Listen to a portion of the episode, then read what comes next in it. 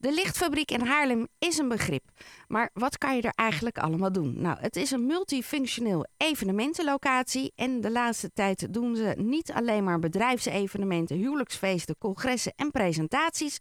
Maar ook steeds meer publieksevenementen. Aan de telefoon Robert Hoogduin. Hele goedemorgen. Goedemorgen. Jullie krijgen cabaret op uh, visite. Cabaret niet schieten. Cabaret niet schieten en Esmee van Kampen die komen inderdaad op 6 april in de lichtfabriek. En um, wat, uh, waar gaat het cabaret over? Nou, het is een, het is een, echt, echt een, het is een beetje een, de, de midlife crisis wordt daar belicht, uh, zeg maar, tussen de, de twee mannen. Dat zijn Maarten en Arend. En een dertigersdilemma van uh, Esmee van Kampen. En het is echt een hilarisch stukje cabaret. Is het een beetje doe maar liedje? Is dit alles? Uh, ja, een soort van.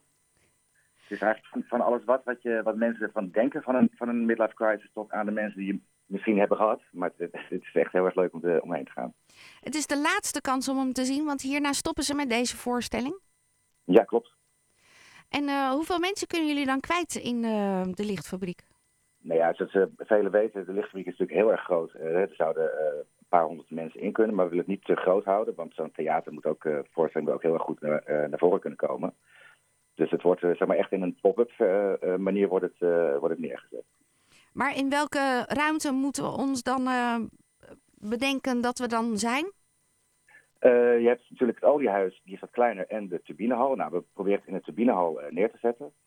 Zodat de mensen in het oliehuis binnen kunnen komen en daar een drankje kunnen doen. En nou ja, als daar de gong gaat, dan kan iedereen het, naar de turbinehal. En daar hebben we een opstelling gemaakt. En is het dan wat um, een traditionele theateropstelling? Of um, als je zegt van uh, daar kan je eigenlijk veel meer mensen kwijt, maar dat willen we niet, heb je dan een andere opstelling bedacht? Nee, het wordt wel echt een theateropstelling. Maar het is, uh, kijk, die turbinehal is natuurlijk zo groot. Op het moment dat je die helemaal vol zou uh, stoppen met mensen, dan, ja, dan is het qua geluid en het hele theaterstuk komt daar niet meer goed over. Nee. Dus natuurlijk, wat dat betreft, voor, hè, dan zou je kunnen zeggen, we doen er 800 man in, maar dat is gewoon overdreven.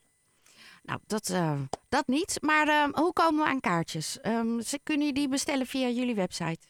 Ja, via uh, lichtfabriek.nl slash tickets. Daar heb je sowieso mogelijkheid om kaartjes te kopen online. En ook via de, de Facebookpagina van Lichtfabriek. Oké, okay, nou dan uh, dankjewel dat je even bij ons in de uitzending was. En ontzettend veel plezier op 6 april met de cabaretvoorstelling. Tijd voor een trio van cabaret Niet Schieten met Esmee van Kamp.